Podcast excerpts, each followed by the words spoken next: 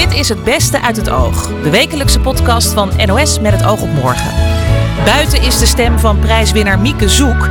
Binnen zit, goed bij stem, Simone Wijmans.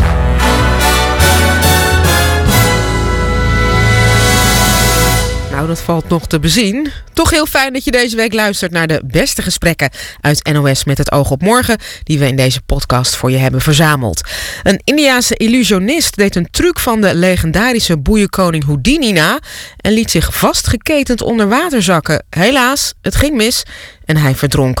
Goochelaar Hans Kazan heeft ook wel eens een act van Houdini geoefend, maar zag er uiteindelijk vanaf. Goochelen is een prachtig vak en illusionisme, maar om je leven ervoor op het spel te zetten, nee. En je hoort het verhaal achter deze populaire Tuareg-band.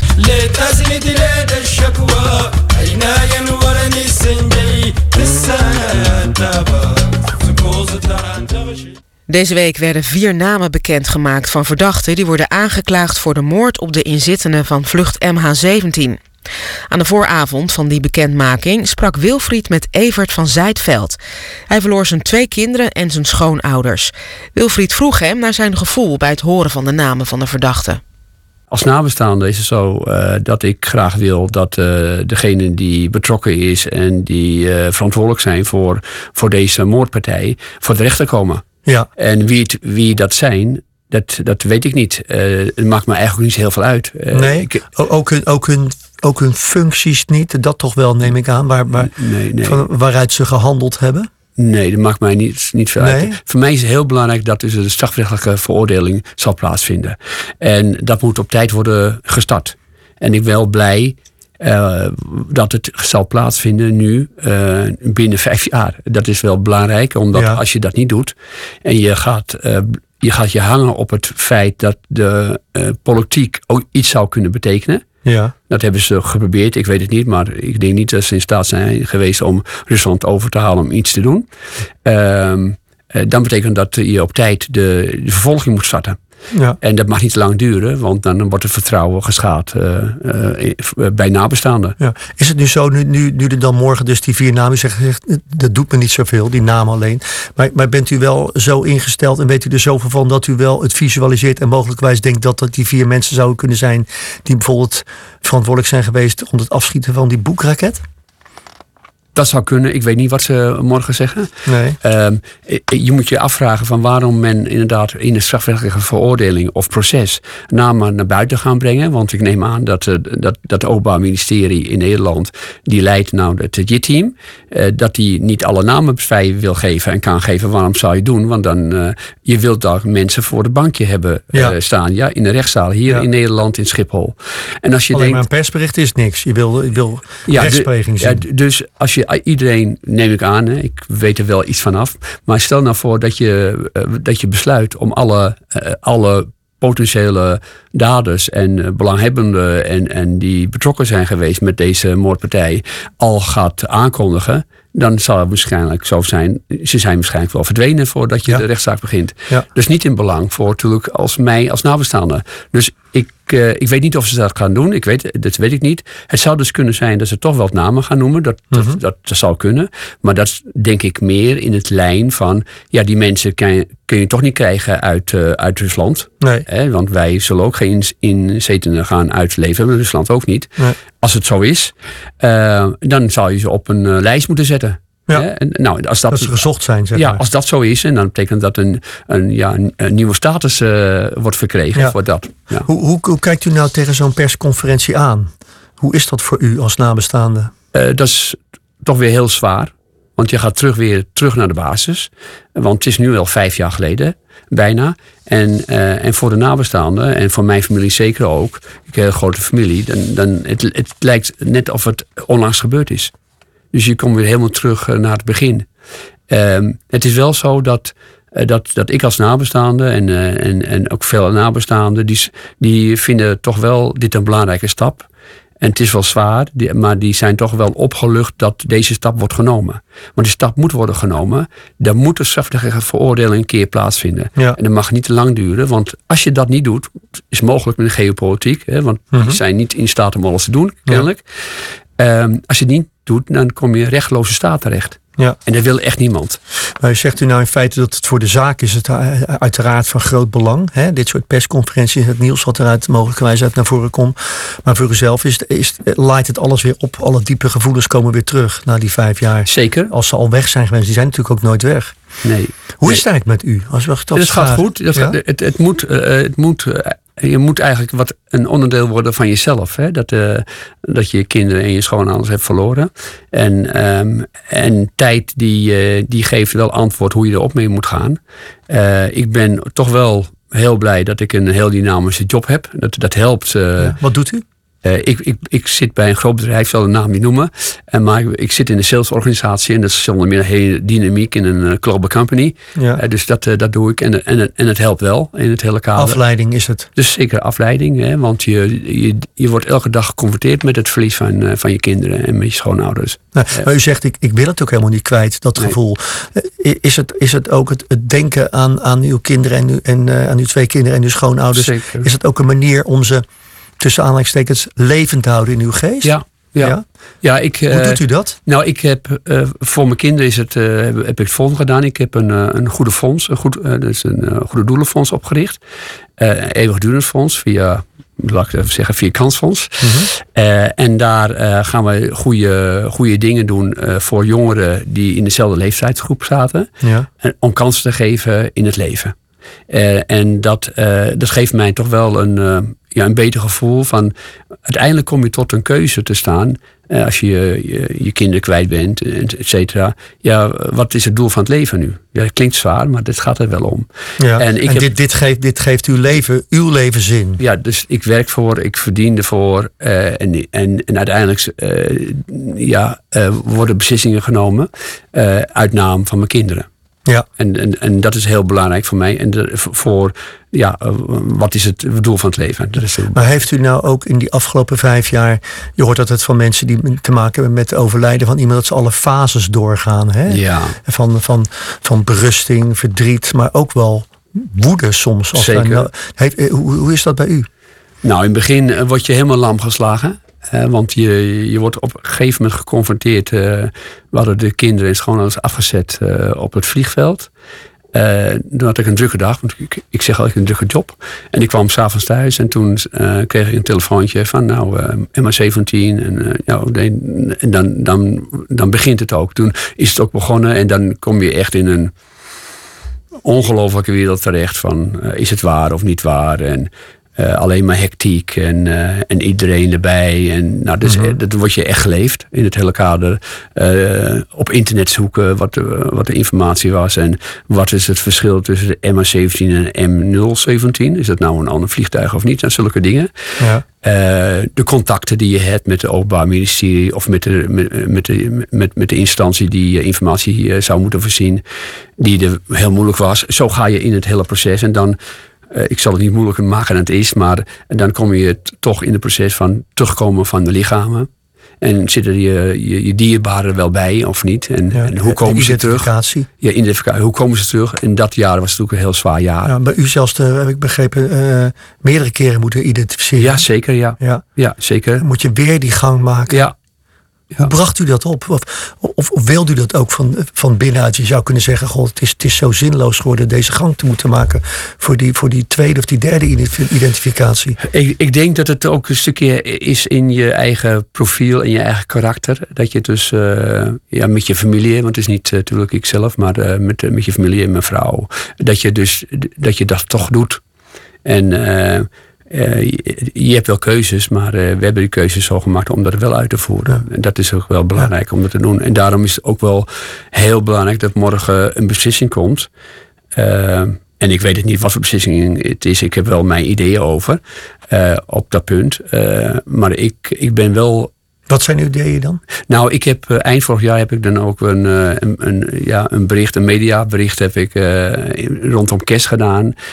waarvan ik meldde dat ja, je moet niet geloven dat de, dat de politiek hier nog dat hier een doorbraak kan realiseren. Want geopolitiek is relatief, wel Mhm. goed, maar relatief. Ja. En dat je niet uh, als, als het iets is met Rusland die betrokken zou zijn, goed, het is bewezen dat ze betrokken zijn.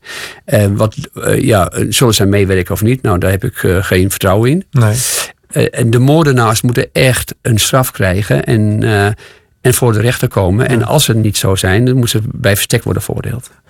Ik wil nog even terug naar u persoonlijk. U, u, zei ooit in de interview mee met de trouw wat ik las. Uh, ja. Tweede, uh, was het nog maar net een half jaar, een jaar geleden gebeurd. Ja. Zei van, ik denk niet meer dat ik ooit nog vrolijkheid of zo uh, in mezelf zou kunnen vinden in mijn leven. Ja. We zijn vijf jaar verder. Hoe, hoe is dat? Ja, ik moet zeggen, dat, dat was wat ik nou noemde, is inderdaad ook zo. Dus mijn gevoelens ook. Ik, het gaat wel een stuk beter. Het is ook wel het belang van het leven. Want je, je, wat is het leven? Wil je, de, de keuzes die je maakt van wil je wat door met leven of niet? Hè? Dus zo, ja. zulke zware Daar heeft u ook aan gedacht. Ja, ja. En, uh, maar uiteindelijk moet je leven toch wel omarmen. En ik moet zeggen dat ik toch wel uh, in sommige gevallen toch wel uh, wat blijdschap kan toelaten. Ja. En waar, waar, waar, vindt u dat in, als ik vragen mag? Wanneer heeft oh. u dan, ja het klinkt raar, maar wanneer heeft u nou echt gewoon onbedadelijk gelachen en, en u bevrijd gevoeld in de lach? Ja, dat is nog even heel, dit is een, hele goede opmerking. Wanneer heb ik een echte bevrijde uh, lach gehad? Hè? Nou, dat, moet, dat denk ik niet dat het zo is. Maar ik, uh, zo in, in sommige gevallen, als ik, uh, het is wel lastig met kleine kinderen, maar, maar ik, in sommige gevallen heb ik dat wel het geval dat ik daar toch wel vreugde kan toelaten. Ja, met, ja. maar kunt u geen voorbeeldje noemen wat, wat u dan te binnen schiet nu? Nou, toch wel, toch wel met kleine kinderen. Hè. Dat is, ja, ja, nou, kleine kinderen die grap uithalen of die vrolijk zijn. dat helpt u dan ook? Zeker, ja. ja. In het oog werd live de winnaar van de Brusselprijs bekendgemaakt. De prijs voor het beste journalistieke boek. En Thomas Ruip was de gelukkige. Hij schreef Laura H., het kalifaatmeisje uit Zoetermeer. Na de uitreiking sprak Shaila met hem, met juryvoorzitter Bas Haan van Nieuwsuur en Marcel Hane, die genomineerd was voor De Boxer, een biografie van Max Moskowitz.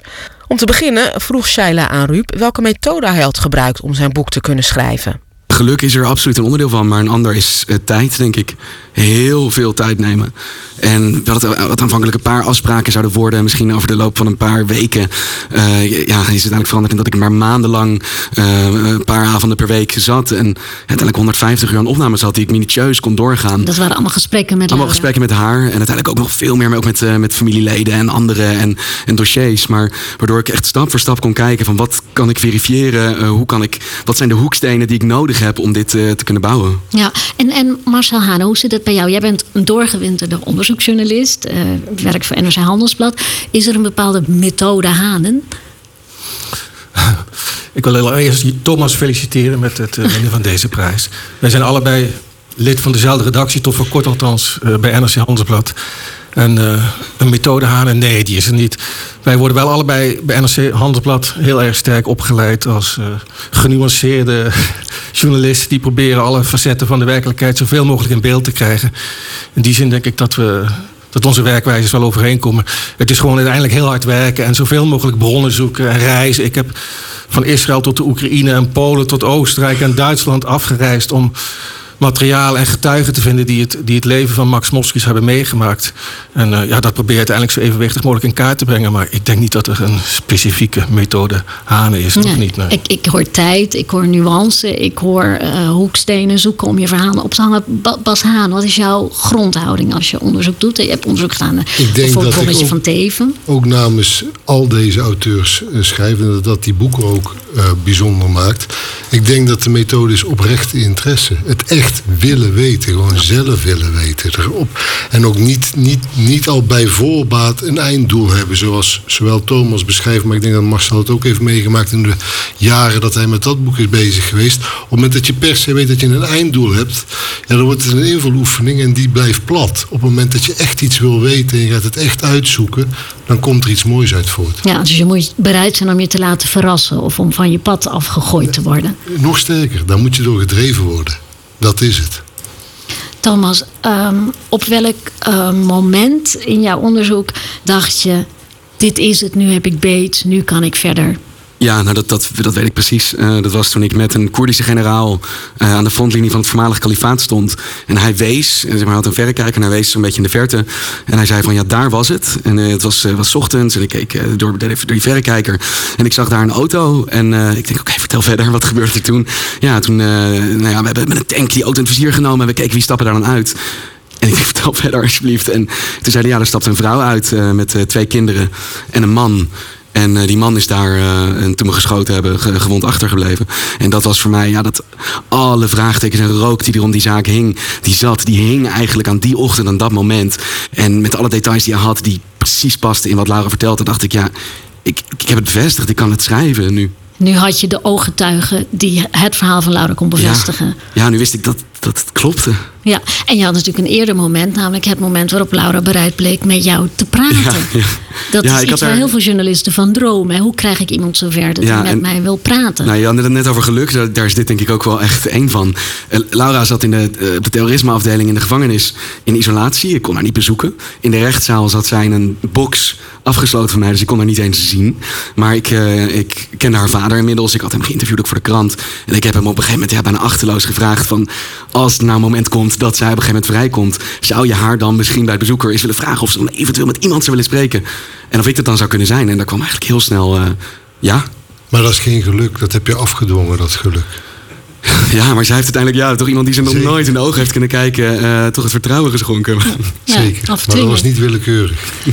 Nou, Marcel, jij hebt ehm, heel minutieus onderzoek gedaan naar het leven van eh, Max uh, Moskowitz.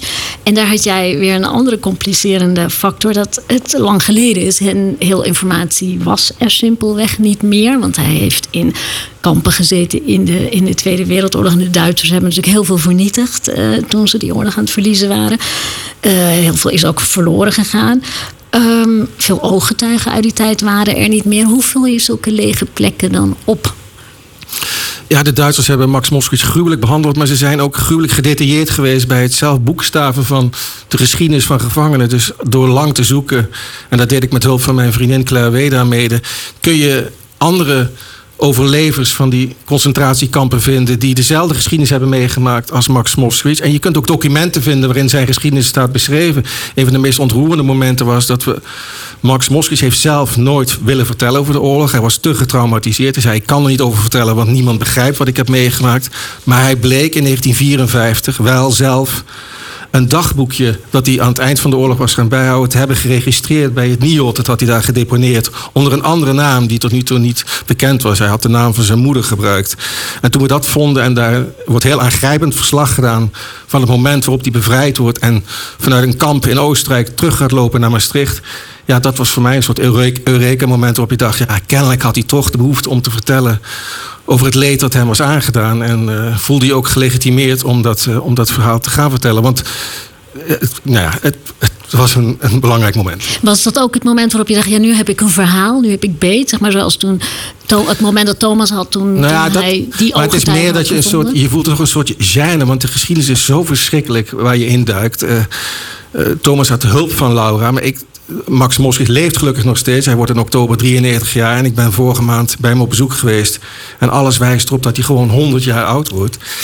Maar hij heeft zelf nooit verteld over die oorlog. Dus je voelt je toch een beetje een, een spion in een leven dat hij zelf verborgen heeft willen houden. En toen je merkte dat hij in ieder geval in een dagboek gedeeltelijk heeft verteld wat hij heeft meegemaakt, voelde je ook gelegitimeerd om dat hele verhaal te gaan vertellen. Ja, ja en, en heb jij ook zo'n moment gehad dat je dacht, ja, ik kom hier niet uit, ik heb niet genoeg, ik, ik zit vast. Nee ik, heb, ik heb, nee, ik heb van begin af aan uh, ja, genoten van die speurtocht. Ik ben begonnen om in het oosten van Polen, waar de familie Moskowitz vandaan komt, oorspronkelijk 100 jaar geleden daar gevlucht is om daar te gaan kijken. Dat was interessant. Ik ben in Oekraïne geweest, in Israël geweest, in Oostenrijk. Allemaal plekken waar je doorgaans uh, je vakanties niet doorbrengt. En het was buitengewoon interessant. Het is een belangrijke geschiedenis en ik vond het fijn om die te kunnen vertellen. En over drie maanden is het precies 75 jaar geleden dat Maastricht werd bevrijd. Uh, dat wordt daar groot gevierd en herdacht. Maar Maastricht is ook de stad waarin 24 augustus 1942 300 Joden gruisloos werden afgevoerd. Onder wie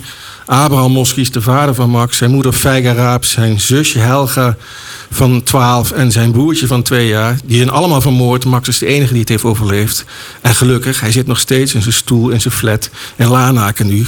En hij blijft leven. Dat blijf ik toch heel ontroerend vinden. Ja, nou, je hebt het ook heel mooi uh, geboekstaafd.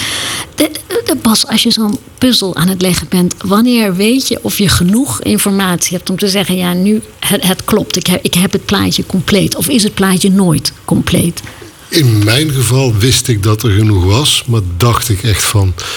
Jezus, zit, zit, zit iemand nog wel op dat stomme bonnetje te wachten? En dan Dus je, je krijgt rare onzekerheden. En op een gegeven moment komt er in je hoofd komt er iets samen dat je weet van, oh ja, maar daar, het grotere verhaal wordt je duidelijk. En dat is een, een prachtige motivatie. Want eigenlijk zijn al die boeken die hier ook staan, zijn metaforen. Het zijn metaforen voor grotere verhalen. Op het moment dat je het gevoel hebt dat jouw verhaal dat grotere verhaal kan gaan vertellen en dat je hebt gevonden hoe je dat moet doen, dan kom je, dan kom je echt op, op een golf en dan surf je. En dan, dan, dat, dat geeft energie. En dan, dan, dan heb je ook per definitie genoeg. Want je bent dat verhaal aan het vertellen. Dan zie je het.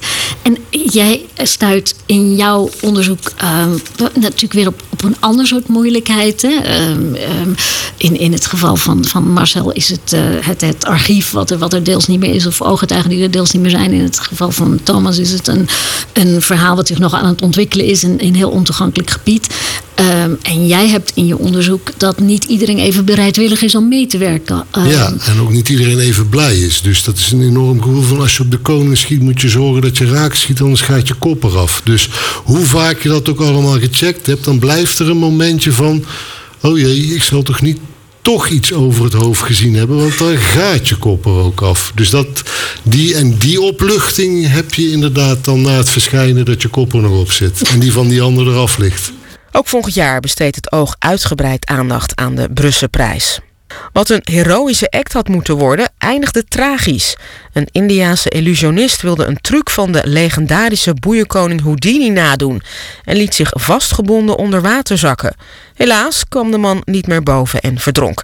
Chris sprak met illusionist Hans Kazan en vroeg of het bij Houdini-volgelingen vaker mis is gegaan. Nou, uh, het is uh, zeker niet de eerste. En eerlijk gezegd ben ik bang dat het ook niet de laatste is. Huh? Want er zijn regelmatig uh, illusionisten die denken: ah, ik weet hoe het werkt, ik bedenk het kunstje en ik ga het doen.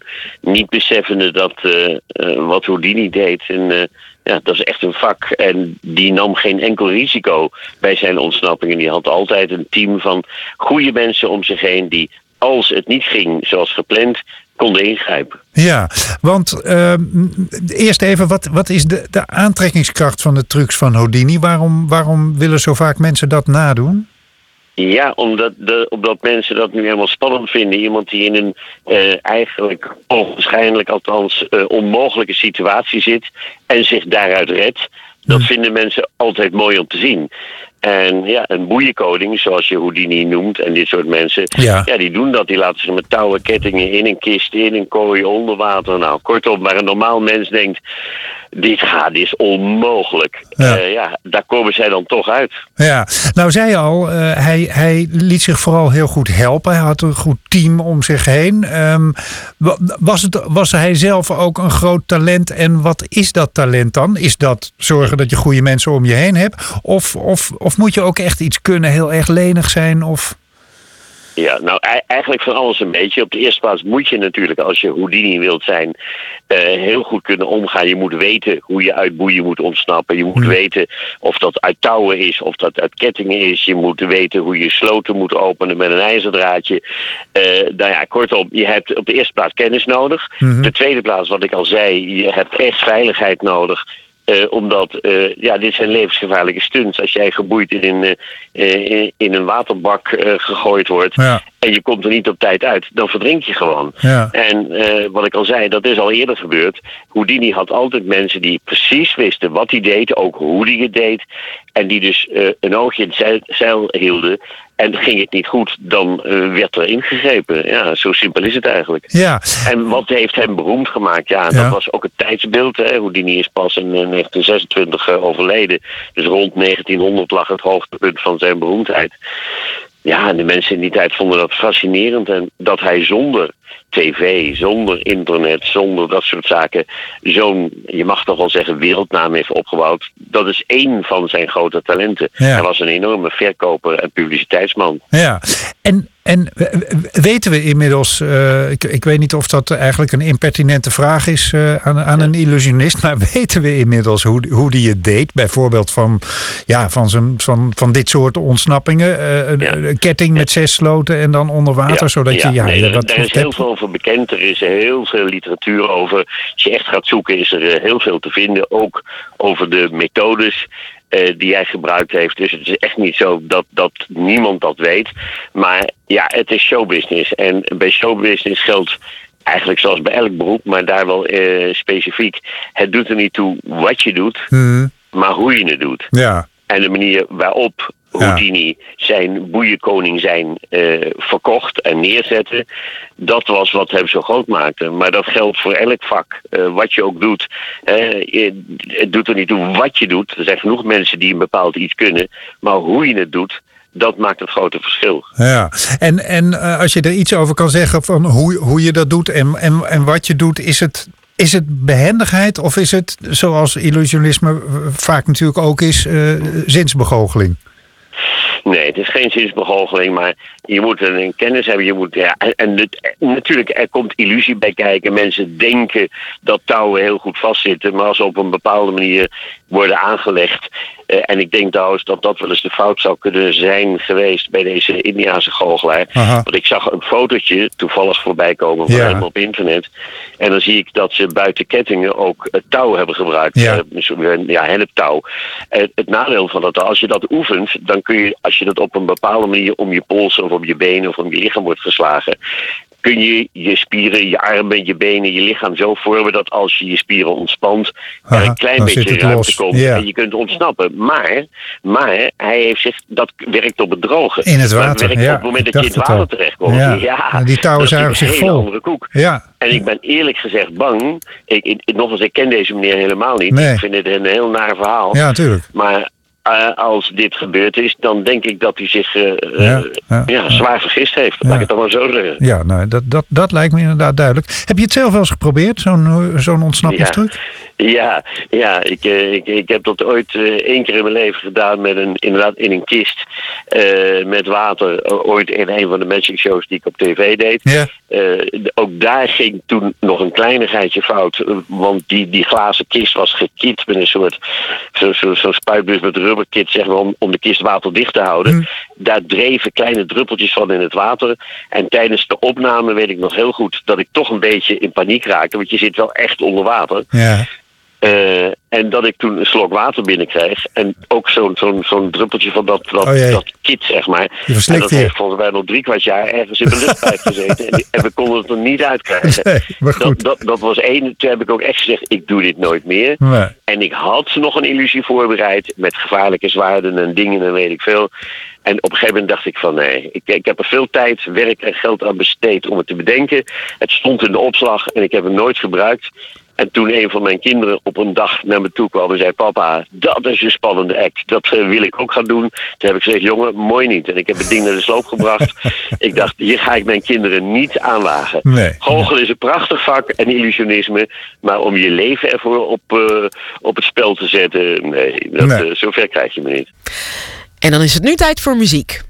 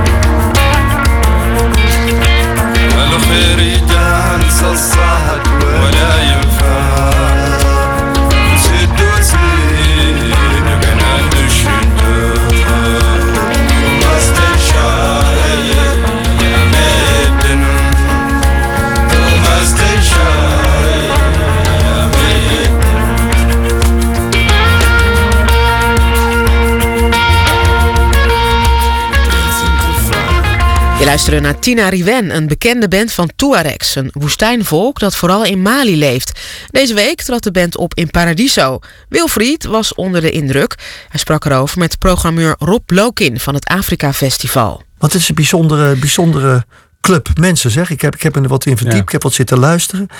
Eh, het, het is eigenlijk eh, muziek uit de woestijn. Woeste jongens. Zo, Woeste jongens. Ja, woeste jongens. Ja. Ja. Want, want niet alleen woest omdat ze uit de woestijn komen, maar Ja. ze hebben ook wel een, een, een, Ze hebben wel een hele politiek verleden. voorgeschiedenis. Ja. Ja, wat is er gebeurd met, eh, met, die, met dat volk? Ja, het, in ieder geval, het is een, het is een, het is een nomadenvolk. Dus die door, door de hele woestijn eh, trekt. En die toen de, de Fransen nog eh, het koning- koloniaal bewind hadden. Toen, In Mali, hè? in- ja, maar, maar toen alle, alle, Al die gebieden al die landen waren ja. Frans. Ja. Dus toen hadden ze eigenlijk nog niet zoveel problemen. Maar toen de onafhankelijkheid kwam, dus eh, rond 1960 werden al die landen onafhankelijk. En toen kwamen er overal grenzen. Dus toen kwamen er overal grensposten. Toen konden ze eigenlijk niet meer eh, reizen zoals ze dat gewend waren. En toen Ja. zijn ze in opstand gekomen. En de, de Malinese regering van toen, die heeft keihard toen opgetreden. En is, een enorme moordpartijen. En de, de leider van deze band, dat, die heeft zijn vader toen in die tijd verloren. Ja, dus dat, eh, Ja. dat is eigenlijk de, de, de voorgeschiedenis. En zijn leidde dat ertoe dat zij ook de wapens pakten, toch?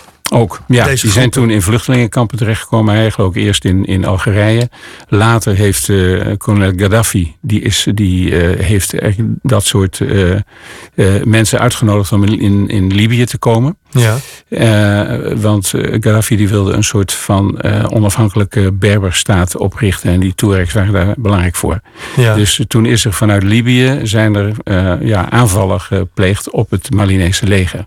En dat, dat is nou ja, zo in de jaren negentig, moet Ja. je dan eh, denken. Ja, maar waar, waar, Ja. Wat, wat, wat, wat, wat, moet me dan bij die rebelse groep voorstellen? Waren, dat, waren ze bezig voor zichzelf of waren ze bezig voor een land?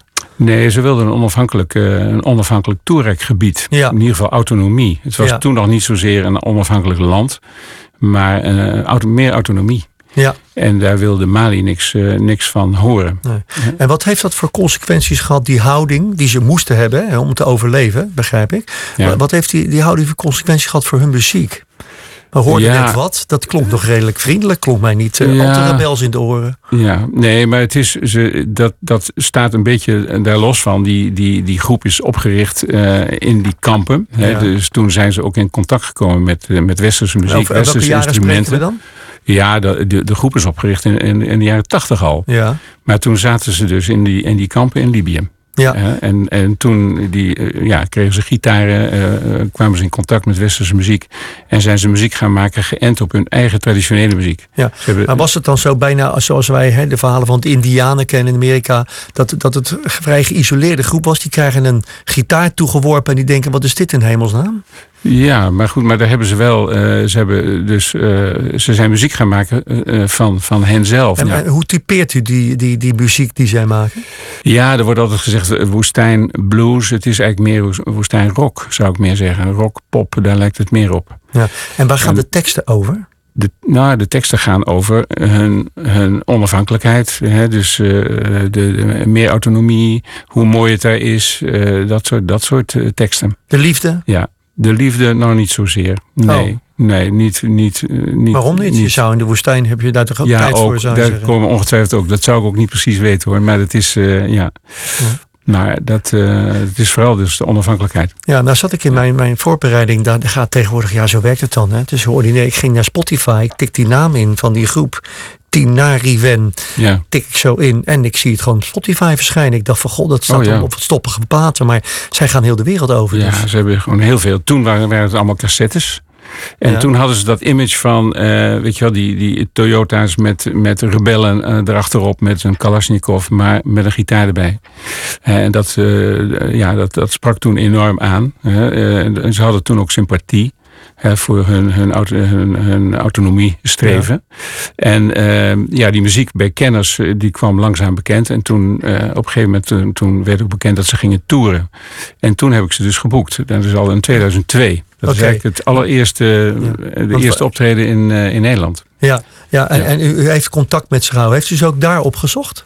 Ook. Ik, in ieder geval, toen, toen ik ze geboekt heb, toen heb ik gezegd... ik wil wel dat ze op tijd komen, want ik wil graag met ze praten. Dus ze hebben mij in de, in de tuin gezeten een hele middag. Ja. Hebben daar hun eigen thee Waarom zegt u ik wil graag dat ze op tijd komen? Om met ze te kunnen praten. Ja, om tijd te hebben om met Ja. ze te kunnen omdat Ik ik, het een het. interessant verhaal vond. Ja. Ja. En toen hebben ze ook gezegd van, eh, ja, we hebben een- zo'n festival in de, in, de, in de woestijn. Festival Au Désert, dat bestond toen een jaar of drie. Mhm. Eh, eh, dan moet je komen. Dus dat hebben we toen gedaan. Dus zeg maar, ze hebben in 2002 opgetreden. In januari van 2003 hebben we een vliegtuig gepakt naar Gao, waar nu die Nederlanders allemaal gezeten hebben.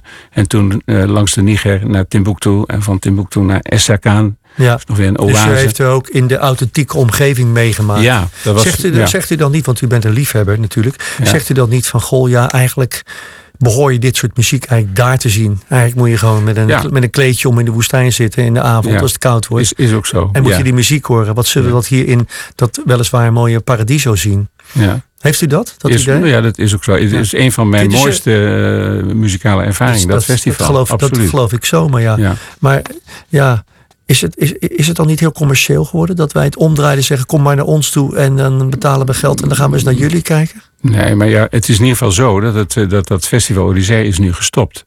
En dat, dat is dus een, een ander ding. Dus in 2012 is, uh, zijn jihadisten daar binnengevallen en die hebben dus alles kapotgeschoten. En hebben, is, toen is dat festival gestopt. Ja, dus je kan er niet eens meer heen. En okay. heel Mali is onveilig. Zelfs ja. in Bamako is het onveilig. Dus ja, ja dus dat, het kan niet eens meer. Nee. Dus je, je kan het niet meer zien.